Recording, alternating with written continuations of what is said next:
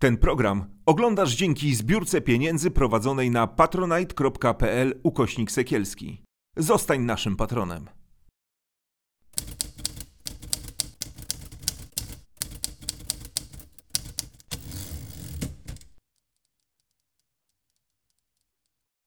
Damian Gruszczyński i kolejne spotkanie z cyklu z innej strony. Na początek, jak zawsze, to już Państwo znają, ogłoszenia parafialne związane z naszymi prośbami. Subskrybujcie nasz kanał, komentujcie wszystkie nasze rozmowy.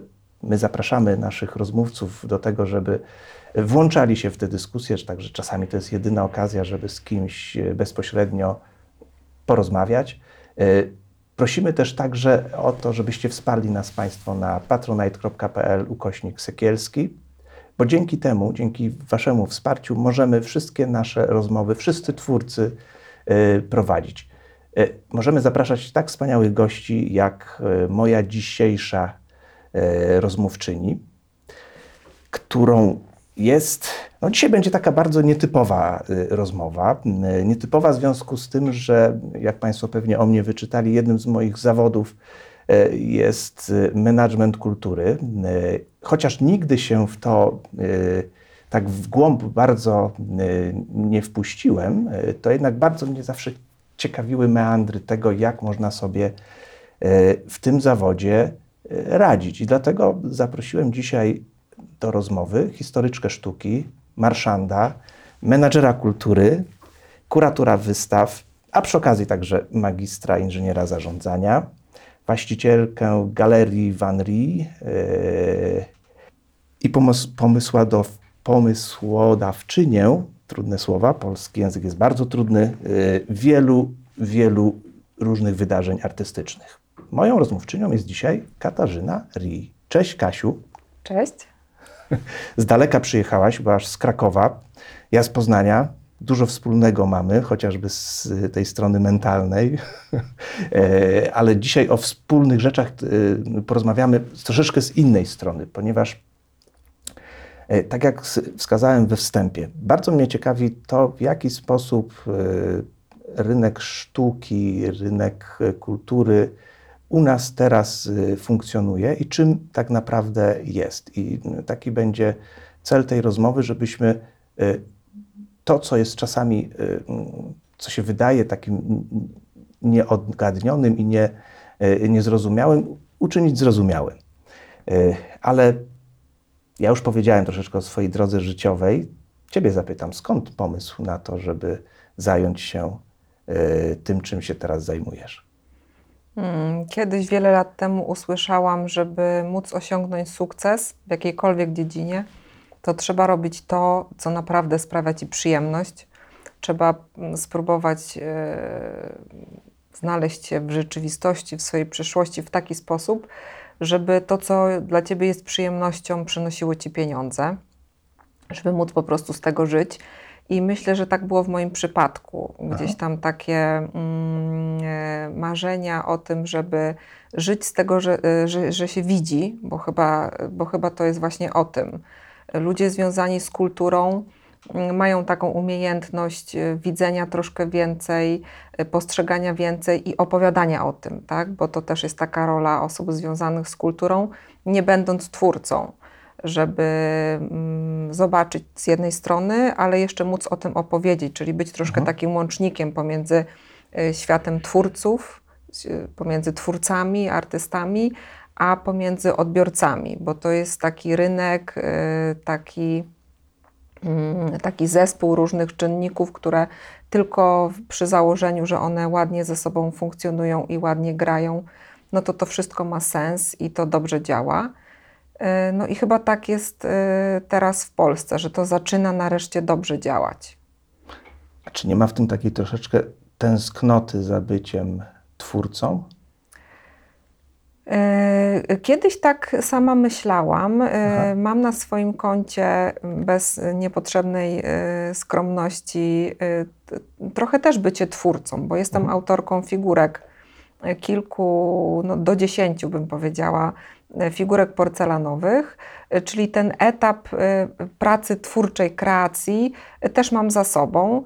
Zresztą uważam, że mm, pracowanie z artystami, na przykład przy wystawach, to jest dokładnie praca twórczy, tw- twórcy. Nawet samo prawo autorskie mówi o tym, że sama kompozycja wystawy jest objęta autorskimi prawami majątkowymi, e, czyli jest pewnym dziełem. Mm, No ale to jest takie wprost, tak? Czyli miałam w swoim życiu takie momenty, kiedy mogłam skonfrontować to, co kiedy jesteś twórcą, co się dzieje z tobą, jak to, e, jak, jak, jak się z tym czujesz. No i w pewnym momencie doszłam do wniosku, że, że nie, że to jednak jakby bardzo fajnie, e, daje mi to satysfakcję, ale jednak e, ten rynek sztuki, czyli te pi- pi- pierwsze moje studia związane właśnie z, no, z ekonomią, krótko mówiąc, były, były dobrym wyborem, a później historia sztuki, no i to wszystko razem, jednak to jest to moje miejsce, gdzieś tam mm, łączenie tego, trochę takie bycie szarą eminencją z tyłu, tak? Czyli jednak da, tworzymy, tworzymy takie pole, tworzymy tą scenę dla, e, dla artystów, dajemy im tą możliwość wypowiedzenia się, dajemy, jesteśmy gdzieś tam z tyłu. Tak, to jest, to jest moje miejsce. To jest Twoje miejsce i to y, ja specjalnie powiedziałem tęsknota za y, byciem twórcą, mając od razu y, odpowiedź, czego nie powinienem mieć, bo mia- miałem od razu odpowiedź, że to w pewnym sensie jest też tworzenie. To jest tworzenie czegoś szczególnego, bez czego rynek sztuki od kiedy praktycznie sztuka ist, istnieje jako y, oddzielny wybór, y, wyrób, nie, nie mogłaby istnieć. To jest tworzenie, to jest takie gromadzenie sił, gathering forces, zbieranie wszystkich zainteresowanych wokół procesu y, twórczego wokół jednego miejsca. Prawda? Tym No tak, to jest, to jest taka pewna umiejętność jakby Aha. rozmawiania z jednej strony z artystami, gdzie trzeba mówić tak. zupełnie innym językiem, używać absolutnie ym, y, innych argumentów. Trzeba wieloma językami mówić. To też, to też I, i też zupełnie inne cechy, można powiedzieć, przejawiać. Troszkę taką schizofrenię gdzieś tam trzeba w sobie od, od, odnaleźć, taki dualizm.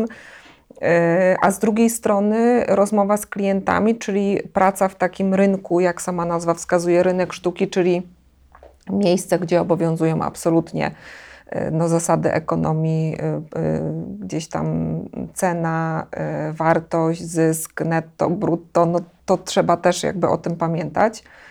I to musi też działać. I, I właśnie gdzieś tam bycie pośrodku, ale to nie jest chyba takie bycie pośrodku. Raczej to jest takie bycie w dwóch światach. Czyli mam trochę tego i trochę tego. Mogę się temu, świat, mm, temu światu przyglądać z bliska, yy, kiedy idziesz do pracowni artysty i widzisz, jak ja to napisałam w książce o Lubomirze Tomaszewskim.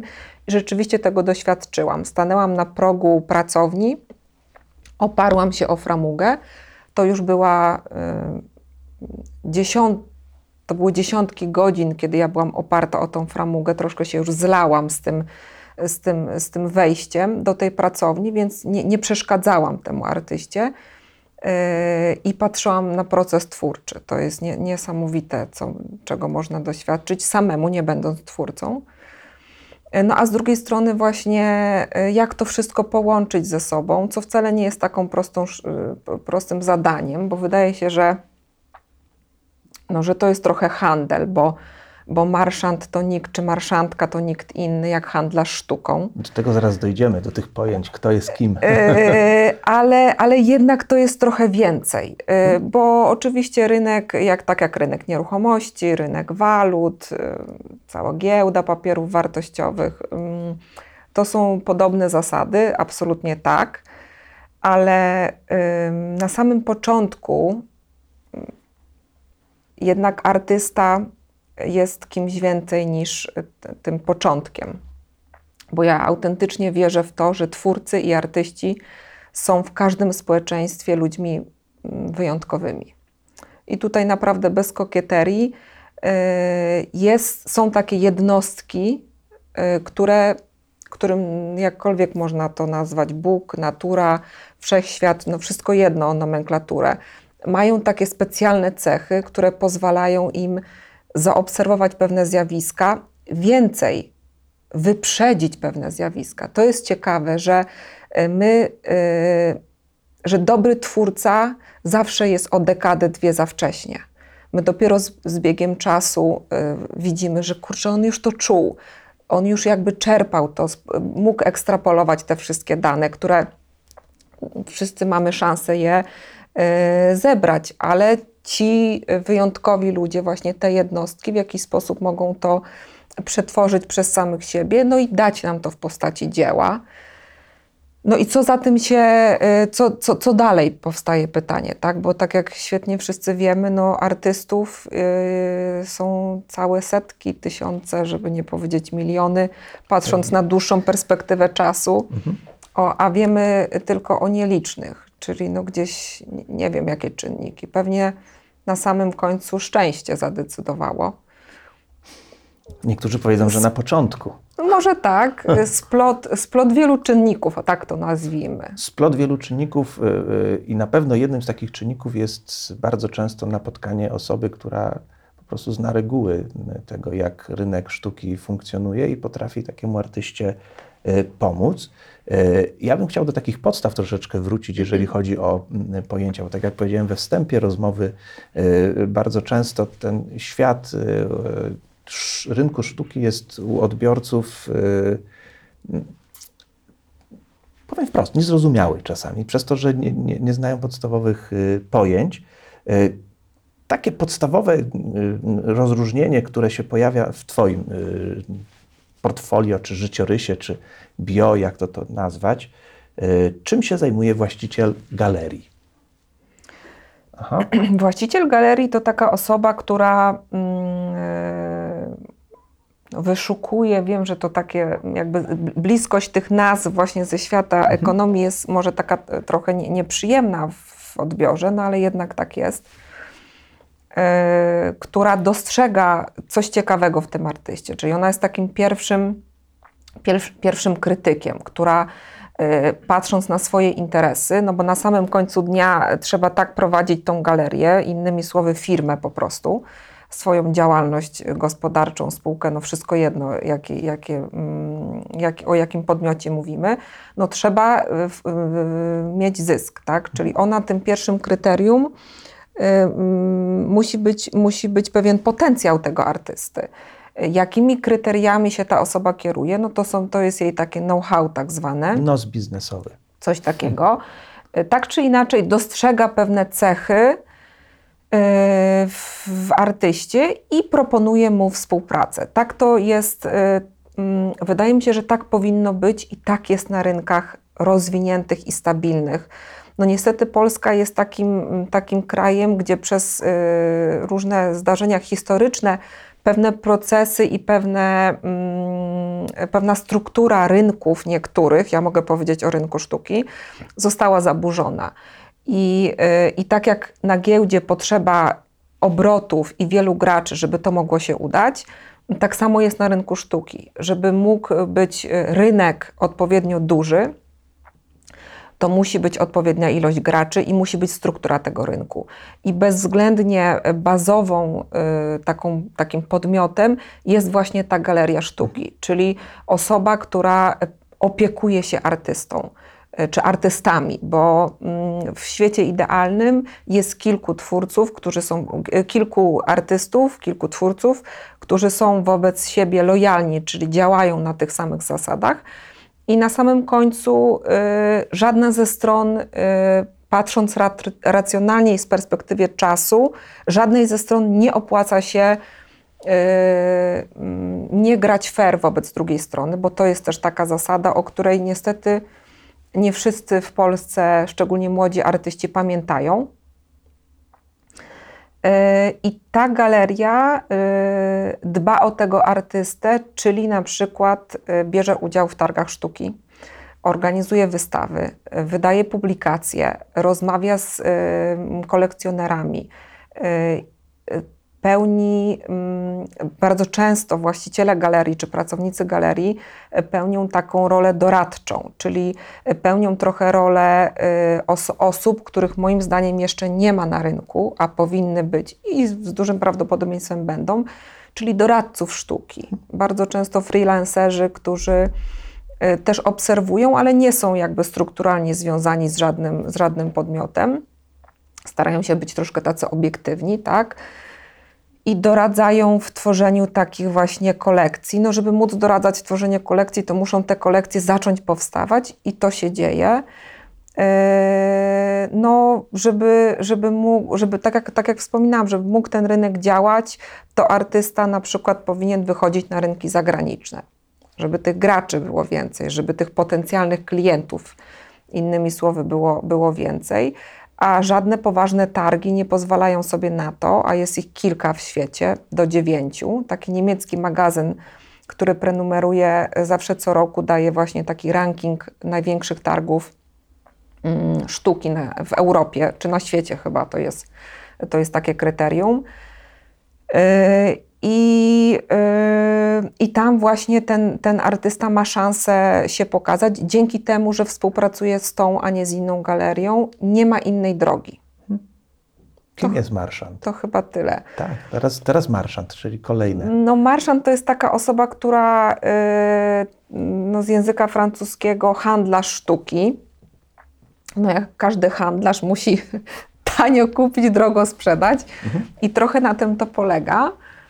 Yy, I, to jest yy, taka rola pośrednika trochę, bo czym innym jest naprawdę rola takiego agenta, tak bym powiedziała, takiego opiekuna, yy, takiego promotora twórczości, yy, a czym innym jest właśnie rola marszanda, bo to naprawdę tak górnolotnie brzmi, ale polega na handlu po prostu, na dobijaniu transakcji, na finalizowaniu transakcji, a proszę mi uwierzyć, yy, no ponad dekadę mojego doświadczenia mówi o tym, że może być skończone dzieło, może być to dzieło świetne, świetnie opisywane przez krytyków, może być kupiec, yy, może być już umowna transakcja i, i wszystko się wysypuje bo ktoś czegoś nie dopilnował, ktoś czegoś nie wziął, nie ten numer konta, nie zapisał numeru telefonu. Bardzo prozaiczne, banalne wydawałoby się, że to nie może się zdarzyć naprawdę, że robisz wystawę i przychodzą klienci, chcą kupować, a twoja asystentka nie zapisuje do nich kontaktu. No tak, tak się zdarza. Y, No i wtedy do transakcji nie dochodzi. Po to właśnie jest marszant, żeby o to wszystko zadbać. Tak, to jest taka osoba blisko związana właśnie z biznesem. Oczywiście w tym wszystkim jest też rola promocji tego artysty, promocji jego twórczości, czy samego, samej tej osoby, no bo trudno oddzielić twórczość od, od twórcy, a najchętniej to wszyscy bardziej o twórcy by słyszeli niż, y, niż o tym, y, co tworzy, może na równi. Y, I, I to jest rola marszanda. Kim jest kurator wystaw? Y, Tak jak mówiłem, wej- wejdziemy w Dobrze, kilka pojęć od, od podstaw, żeby, Dobrze. żeby móc później zaraz szczegółowiej o nich porozmawiać. Tak, nie, nie aż tak. Nie kurator wystaw, czy w moim przypadku, jakbym o sobie miała powiedzieć, bo kilka razy miałam przyjemność być kuratorką wystaw, no to taka osoba, która jakby ma pomysł, tak? Bo mm, ciekawą rzeczą jest, y, no i wszyscy tego doświadczamy, jak dany obiekt zmienia się w zależności od kontekstu. Jak, jak kontekst nadaje znaczenie. No, żeby wspomnieć pisuar Mars, Ma- Marcela Duchampa, który jest po prostu pisuarem, no w tym kontekście przestrzeni muzealnej czy galeryjnej, y, czy, czy aukcyjnej, no zupełnie nabiera innego znaczenia.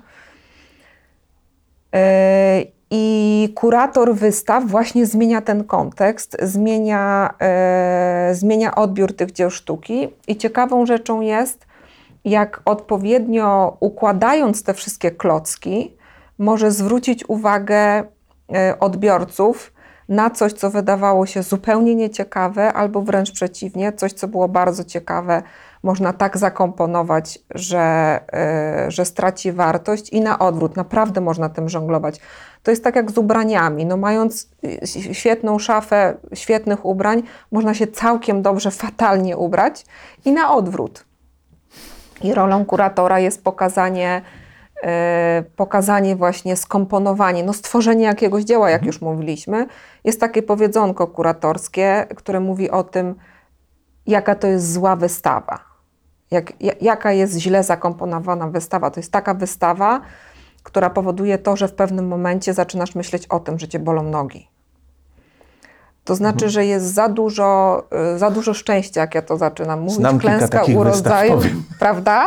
Ja też nie chcę tu robić y, żadnej reklamy ani kryptoreklamy, ale też na kilku takich byłam, które z jednej strony były wysławiane, a z drugiej strony ja naprawdę miałam już po kokardy tych portretów. I już myślałam o tym, ciekawe, czy jest jeszcze jedna sala, i wchodziłam do kolejnej sali i było dokładnie to samo, co w pierwszej, co w pierwszej. I już nie mam tej przyjemności, tak? Już po prostu biegnę, żeby to już się skończyło. E, No bo to jest taka e, umiejętność też e, kura, kuratorów wystaw, Wczucia się w odbiorcę tak naprawdę w to, jak nawet bym nie to powiedziała, bo ja akurat uważam, że fajną rzeczą jest taka zasada, że to kurator decyduje subiektywnie. Jakby nie za bardzo. On ma swoją wizję i ma ten swój cel zrealizować. Jak on to zrobi, to jest naprawdę tylko jego sprawa.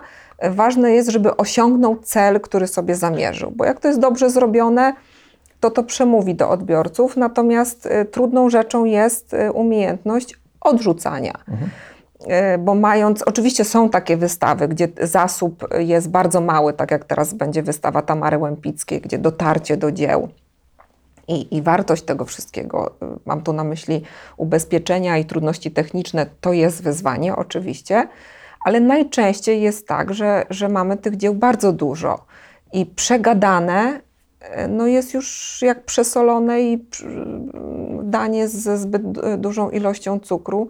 Świetny ten, te, te ciasteczko było, mm, ladur, ale było za słodkie. No akurat ladur nie są za słodkie. Wszystkie nie są za słodkie. Mają tą kompozycję odpowiednią, tak? Czyli jest słodkie, bo takie ma być, ale nie jest za dużo. No i to chyba, to jest rolą kuratorów. Skomponowanie takiego, takiego dania, które by było które by powodowało, że my po takiej wystawie jesteśmy tacy, kurczę, jeszcze fajnie, jak będzie jeszcze coś, to chętnie zobaczę, e, chętnie kupię album, no to, to są takie kryteria, tak? Czyli chcesz z takiej wystawy zabrać coś do domu, chcesz jeszcze konty- kontynuować to, czego doświadczyłeś na takiej wystawie. To jest coś fajnego i to wtedy uważam, że, że ten kurator zrobił dobrą robotę. Kiedy ty zrobiłaś jako kurator dobrą robotę? No ja myślę, twojej że opinii, no tak, tak, tak. To jest taka wystawa, bo ja to naprawdę poczułam. To było w Pałacu Narodów w Genewie, mm, w Szwajcarii i tam na tle Mont Blanc yy, pokazywałam twórczość Lubomira Tomaszewskiego. O którym zresztą napisałaś, współnapisałaś wspaniałą książkę, Tak. do której przeczytania zachęcamy bardzo serdecznie. Mnie już zachęciłaś, jeszcze nie zdążyłem przeczytać, ale tutaj teraz widzowie zobaczą e, tą, tą książkę. E, cóż, wystarczy tylko poszukać e, wydaniem, wydane nakładem Agory, prawda? Tak jest. Portret w płomieniach. Portret w płomieniach. Teraz już Państwo widzą okładkę, ale wracamy do Genewy. E, I tam właśnie w, w Pałacu Narodów, w, w, w przepięknej scenerii, e, tam było mm, prawie 600 metrów. E, Przed wystawą Lubka była wystawa. ym, Lubka, czyli mnie- Lubomira. tak, ja sobie pozwalam na taką spoufwałość, tak. bo, bo Lubomir Tomaszewski wielokrotnie namawiał mnie do tego, żebym skracała jego imię i mówiła, i mówiła do niego tak właśnie Lubek. Dlatego sobie pozwalam, tak jak mówię, no, na, to, na ten skrót e, wobec jego osoby. E, Andiego Warhola, o, to była wystawa przed, przed wystawą Lubomira Tomaszewskiego. I tam było pokazywane około 70 prac, które też wysiłkiem technicznym i logistycznym udało mi się sprowadzić z amerykańskiego atelier mm, artysty. Yy, No i to było wyzwanie, ale kiedy to międzynarodowe środowisko tak długo biło brawa i tak dużo gratulacji, bo oczywiście przy- każdej, przy każdej wystawie no, są gratulacje, uściski, ukłony, ale kiedy czujesz, że, Że tych ludzi jest, jest tak dużo tak. i oni tak bardzo są zadowoleni z tego, co zobaczyli yy, i te słowa są tak ciepłe, no to, czuję, to jak masz taką prawdziwe przekonanie, że mm, musiało się, to musi być dobre. To nie może być tylko właśnie grzeczność, to nie może być tylko kurtuazja. A twój największy sukces jako Na środku był marszan. Nie wiem, tajemnica handlowa, pewnie nie powiesz. Mm, widać dolary w moich oczach. Widzę, ja wie- wiesz. No, mówiłem na początku, Poznań, No. Kraków.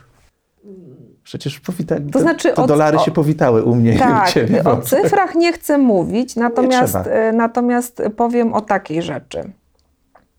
Mam taką e, jakąś umiejętność, że jak e, chwilę po tym, czyli jakby rok, dwa, trzy, do kilku lat, artyści, którym udaje mi się zrobić wystawę, rzeczywiście ich notowania, i mówię tutaj o, o samych e, wartościach ich dzieł, idą w górę.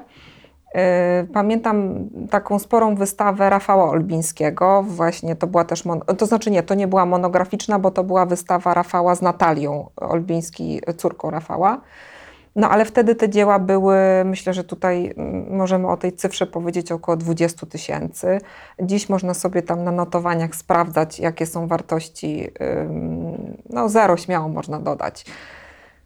Mm, No i to, to, to, to, to był taki sukces właśnie handlowy, można powiedzieć. Y, Niedawno y, też miałam przyjemność pracować z Tomkiem Sentowskim, który też jakby tą, tą ekscytację kolekcjonerów budzi bardzo dużą. W zeszłym roku była jego wystawa.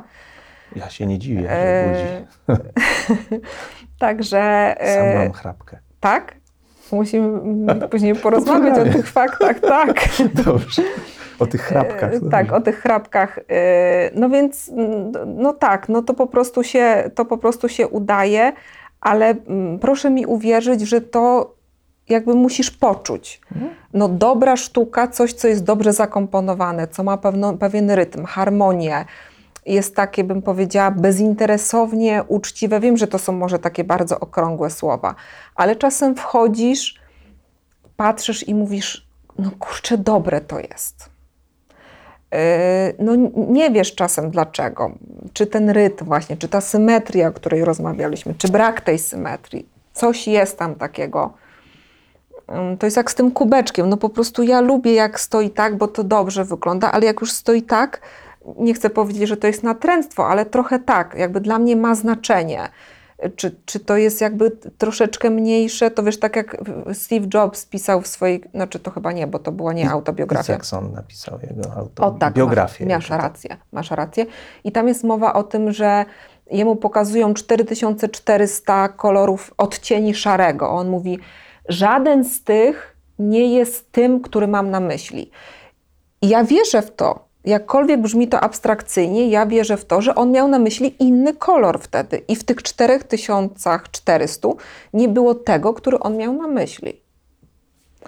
I, i no, no, jest coś takiego, że po prostu widzisz i myślisz, tak, to jest dobrze. Oczywiście nie zawsze się daje, udaje to zrealizować, bo, bo y, chęci i gdzieś tam marzenia i ambicje są dużo większe.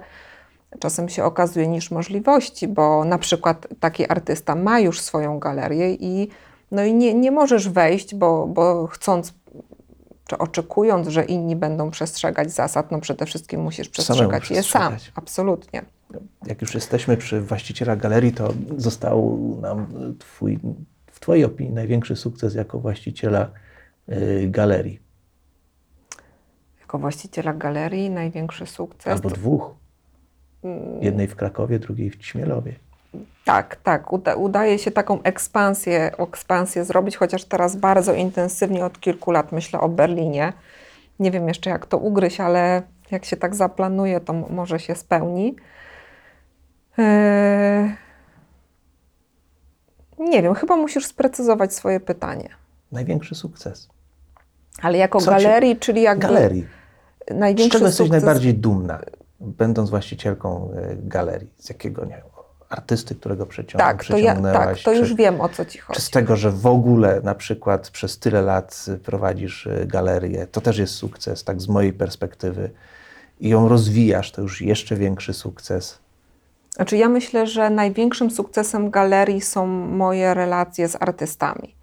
Że mam poczucie i słyszałam to, jakkolwiek, jakkolwiek brzmi to może nie, nie całkiem skromnie, że ci artyści są zadowoleni, że oni widzą, że to było dobre, że wchodzą na taką wystawę, patrzą i mówią: Kurde, Kasia, super. Y, I y, sukcesem galerii jest to, że y, ci artyści ciągle jakby mamy z nimi relacje. Y, Nie ma jakby takich trudnych, mało, oczywiście zawsze trudne sytuacje są, ale tych trudnych sytuacji jest, jest mało. To jest z jednej strony, a z drugiej strony wielką moją satysfakcją jest to, że wracają kolekcjonerzy. To jest wielka przyjemność, kiedy widzisz, ktoś na przykład po siedmiu latach mówi, wie pani, ja u różnych kupowałem różne rzeczy, ale jakoś z panią to mi się tak dobrze. Pani ma takie dobre oko i zawsze takie dobre rzeczy. Może nie najtańsze, bo jakoś nie lubię negocjować ceny. Jakoś mi się tak wydaje, że, że powinno trochę tak chyba być, że jak jest ta cena w galerii, bo są różne typy aukcji, mogą być i w górę, i w dół. Jak nie jest to aukcja w dół jest to cena galeryjna, no to, to jednak jest to taka cena ustalona, która daje też trochę taką gwarancję, że y, każdy, kto przyjdzie do galerii, to ma dokładnie tą samą cenę. No oczywiście jest jakieś pole na, na, na rozmowy, ale powinniśmy jednak pamiętać o pewnym limicie, że nie jesteśmy w Turcji. Powiedziałaś e, o kolekcjonerach e, i to jest takie zadanie, które sobie stawiam przed tą rozmową, żeby obalić taki mit, że bycie kolekcjonerem sztuki to jest e, stan tylko dla wybranych. Tak jak kiedyś rozmawialiśmy, to wcale nie jest coś tylko dla zupełnej elity i dla wybranych, że tak naprawdę A co będzie, jak się z Tobą sztuki, nie zgodzę? To będziemy dyskutować. A To, to nie kolek- skończymy rozmowy. kolekcjonowanie sztuki. e, Chodzi mi o to, że wstęp do tego świata kolekcjonowania sztuki jest potencjalnie e,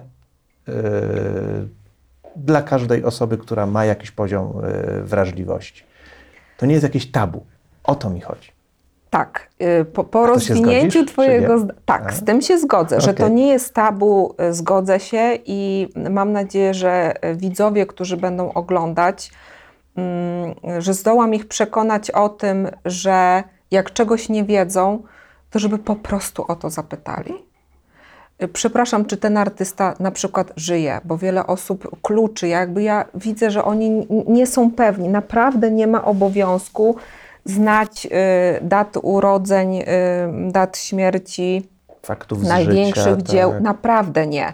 I po prostu trzeba o to zapytać, i nie jest to wstydem, obciachem, nie jest to żadna żenująca e, czy krępująca nie powinna być sytuacja, kiedy po prostu pytamy.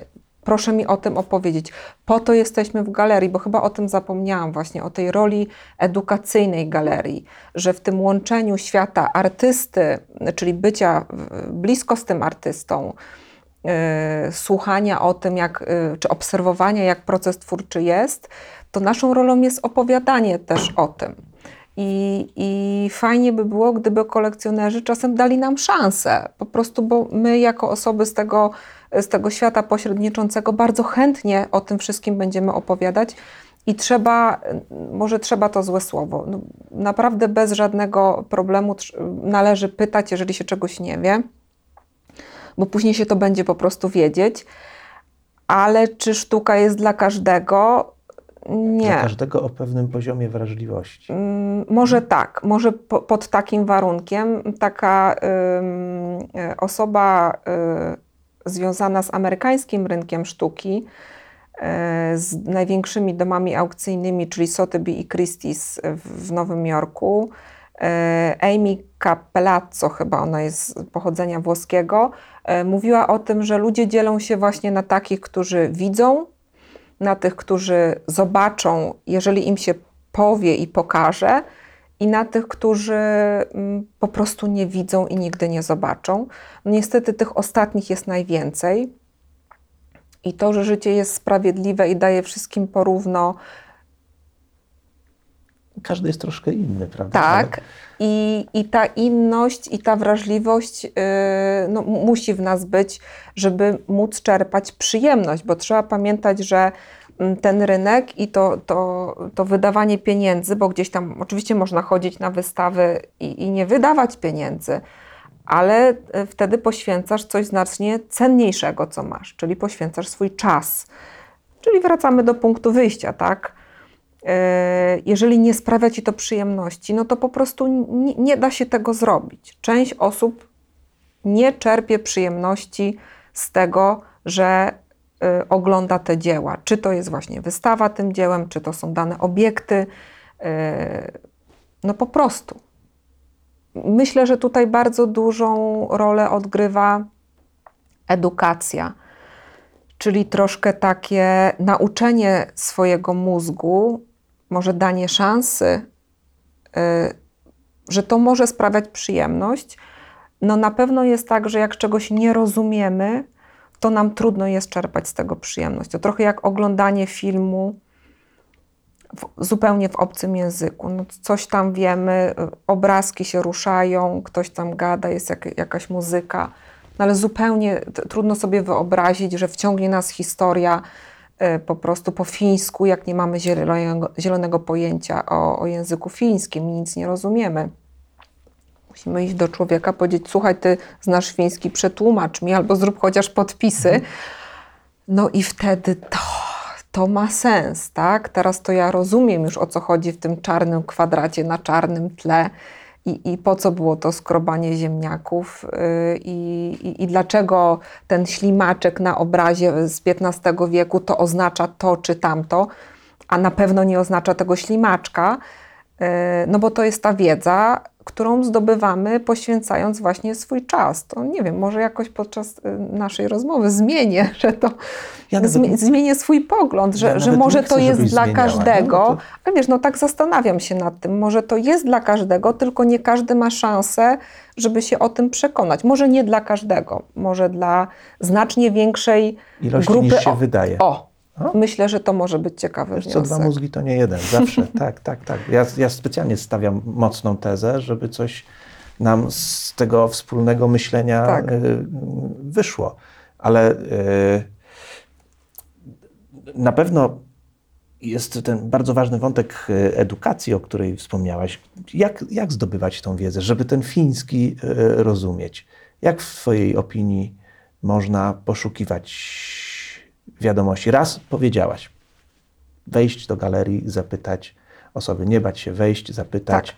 nie bać się tego, że się czegoś e, nie wie. Jak jeszcze? Ja myślę, że najłatwiej zdobywa się wiedzę, mm, jeżeli zaangażowane jest jak najwięcej zmysłów. E, to jest jedna rzecz. Druga rzecz, jak nasze skupienie jest skierowane dokładnie na to, czyli mm,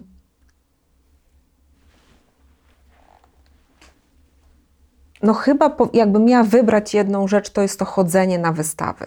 Mhm. Czyli tam mamy szansę y, y, poświęcić ten czas, bo tru, trudno jest y, rozpraszać się, bo proszeni jesteśmy o to, żeby nie używać tych telefonów, żeby one nie bipczały, nie klikały i tak dalej. Wtedy ten telefon mamy schowany, mamy wtedy dużą szansę, że ta nasza percepcja, ta nasza uwaga jest skierowana na to dzieło. Y, I tam, jak zrobimy jeszcze drugi krok, czyli powiemy, proszę mi opowiedzieć o tym, czyli poszukamy miejsc, gdzie jest możliwość na przykład zjedzania z kuratorem, mm, no to wtedy zdobywamy tą wiedzę najłatwiej, naj, najbardziej możemy ją przyswoić. No i druga fajna rzecz to też jest jakby filmy, które gdzieś tam przy okazji nam o tym mówią, tak? Jest kilka bardzo fajnych filmów, bardzo fajnych książek. E, ja na przykład zupełnie zafascynowałam się historią e, porcelany, która opowiedziana jest w książce Edmunda Dewala Biały Szlak. On świetnie pisze o, o, o trzech takich wzgórzach e, właśnie w Jean de Zen, w Cornwalli w południowej Anglii i w Dreźnie no, koło Miśni. I on tam opowiada, to wszystko tłumaczy. No świetna historia, która otwiera zupełnie inne spojrzenie. Inne spojrzenie, ale też zaczynasz rozumieć, naprawdę rozumieć, y, dlaczego na przykład czarka y, potrafi kosztować 130 milionów dolarów. A, zupełnie abstrakcyjna Sen kwota. o, coś takiego. Yy, no więc tak mi się wydaje, że, że to są te sposoby, które, które są łatwo dostępne. Tak, które pozwolą zaangażować właśnie więcej niż jeden zmysł. Jak wybrać swój obraz, rzeźbę, fotografię, swój, czyli nie wiem, jak na przykład początek swojej kolekcji stworzyć? Łatwe pytanie czy trudne pytanie? Chyba bardzo trudne pytanie. To znaczy nie, ja myślę, że nie, nie trudne. No po prostu to jest tak, ja ze swojego doświadczenia uważam, że po prostu trzeba to poczuć. To jest tak, że ja ostatnio popłynęłam mm, kupując jakby jedno dzieło sztuki, bo też poza tym, że zajmuję się tym zawodowo, to też jakby jestem kolekcjonerką i też kupuję. Yy, I popłynęłam w tym sensie, że no oczywiście do, do pewnego progu bólu, który każdy z nas ma, e, tym progiem bólu no są jakieś takie racjonalne, finansowe nasze możliwości. Po prostu weszłam i powiedziałam, muszę to mieć. No po prostu za bardzo już mnie, przepraszam, nie interesowało y, ta, ta cała reszta. To sam ten obiekt był tak interesujący. Y, No coś poruszył w moim mózgu właśnie, w mojej wyobraźni, w moich wspomnieniach. No zrobił mi tak dużą przyjemność. I teraz ten obraz wisi y, na ścianie i jest czymś takim, jak ja przechodzę w domu i tak rzucę na niego okiem, to się pojawia uśmiech na mojej twarzy. Yy, I, i, I to chyba musimy sami poczuć. No musimy sobie dać szansę, żeby obejrzeć odpowiednią dużą ilość obiektów. Właśnie. To jest, to jest, ta, to jest ta, to, ta praca, którą musimy wykonać. Żeby spotkać ten swój obiekt i pamiętać przy tym, że to jest obiekt, który, z którym potencjalnie będziemy się spotykać, przepraszam, do końca yy, życia. Do końca życia to chyba nie. No, zależy, zależy jak, Jak się jest bardzo się- przywiązanym do swojej kolekcji. Ja swoje będę do końca życia na pewno. No I powiem, że z latami się coraz bardziej zachwycam tym, co, co widzę. No ale może jestem troszkę taki y, inaczej skonstruowany, ale to jest też, nawet nie wiem u kogo to czytałem, że to jest bardzo ważny element wyboru, y, czy to początku kolekcji, czy jakiegoś dzieła, z którym będzie się y, obcowało dzień w dzień, żeby sobie z tego zdać sprawę, że rzeczywiście to nie jest kwestia chwilowej mody, to nie jest kwestia chwilowej, chwilowego zachwytu, tylko to jest wybór na lata. To jak, jak, troszkę jak, można powiedzieć, małżeństwo z takim dziełem sztuki, ponieważ dla wrażliwego i świadomego odbiorcy yy, no to jest coś, co będzie musiało żyć cały czas, żyć z czasem, rozwijać się, być interpretowane, być oglądane inaczej. Yy, Najgorsze są takie obrazy, których się po pewnym czasie nie widzi już w, na ścianie czy w galerii, obok których się przechodzi obojętnie. Czy Prawda? trochę tak, trochę nie, ale Olga Tokarczuk, pamiętam, pisze o, o nie, nie pamiętam już w, w której ze, ze swoich książek, o tym, że dzieło się zmienia, tak jak my się zmieniamy. I, I no tutaj to zupełnie się nie zgodzę z Tobą, bo na tym polega też ruch na tym, na tym rynku sztuki. To jest tak, że mm, przez wiele lat y, takim języczkiem uwagi, czy bym powiedziała nawet w takiej zasadzie Pareta, czyli 80 do 20, 80% y, sprzedaży to były obrazy, dwa wymiary, no bo ścianę każdy miał, sobie powiesił, było. Yy, A teraz się to zmienia, rynek jakby się rozwija i yy, zaczynają być takim pożądanymi obiektami rzeźby. Czyli coś, co, jest, co wymaga, można powiedzieć, trochę więcej zaangażowania, no bo już y, o, gwoździka powiesimy, jest. A tutaj no, mamy takie nawet techniczne problemy. Y, I to jest troszkę tak y, postrzegane, że to jest taki wyższy poziom zaangażowania, ale też, wyma- ale też wynika to, wydaje mi się, z tego, że ta nasza świadomość i my sami się po prostu zmieniamy. Mhm. I E, właśnie o tym mówiłem, żeby to wziąć pod uwagę, że będziemy z tym przez lata. Żeby... Ale nie, no jakby my chętnie to naprawdę z mojego, z mojego punktu widzenia, ja mm, wielokrotnie sprzedawałam obiekty dwa, trzy razy. Czyli raz sprzedałam do kolekcjonera, mm, coś w jego życiu się zmieniło yy, i on mówi, że on już nie chce tego. Że on coś się, on już inaczej to odbiera. Natomiast y, wtedy znajduje się inna osoba, która mówi: Ja na ten moment ja tego potrzebuję, nie mogę bez tego żyć. I wtedy to meandry. i wtedy tak, tak się to zmienia. Także Tego tylko Państwo się dowiedzą od bardzo doświadczonego właściciela e, galerii. Kasiu, tak na koniec naszej rozmowy, czego Ci życzyć w tym trudnym czasie? Bo ponoć to się spełnia. Co tutaj ktoś sobie na tym krześle w tym Ojej. programie powie, to się spełnia. Więc uważaj, bo Bóg tak każe, że spełnia marzenia. no to chyba tego, żeby mi nigdy tej pasji nie, nie zabrakło. Yy, No bo jak motorem jest pasja, to wszystko później się samo układa. To niech Cię Bóg pokaże. Dziękuję za rozmowę. Bardzo dziękuję. Ten program oglądałeś dzięki zbiórce pieniędzy prowadzonej na patronite.pl ukośnik sekielski. Zostań naszym patronem.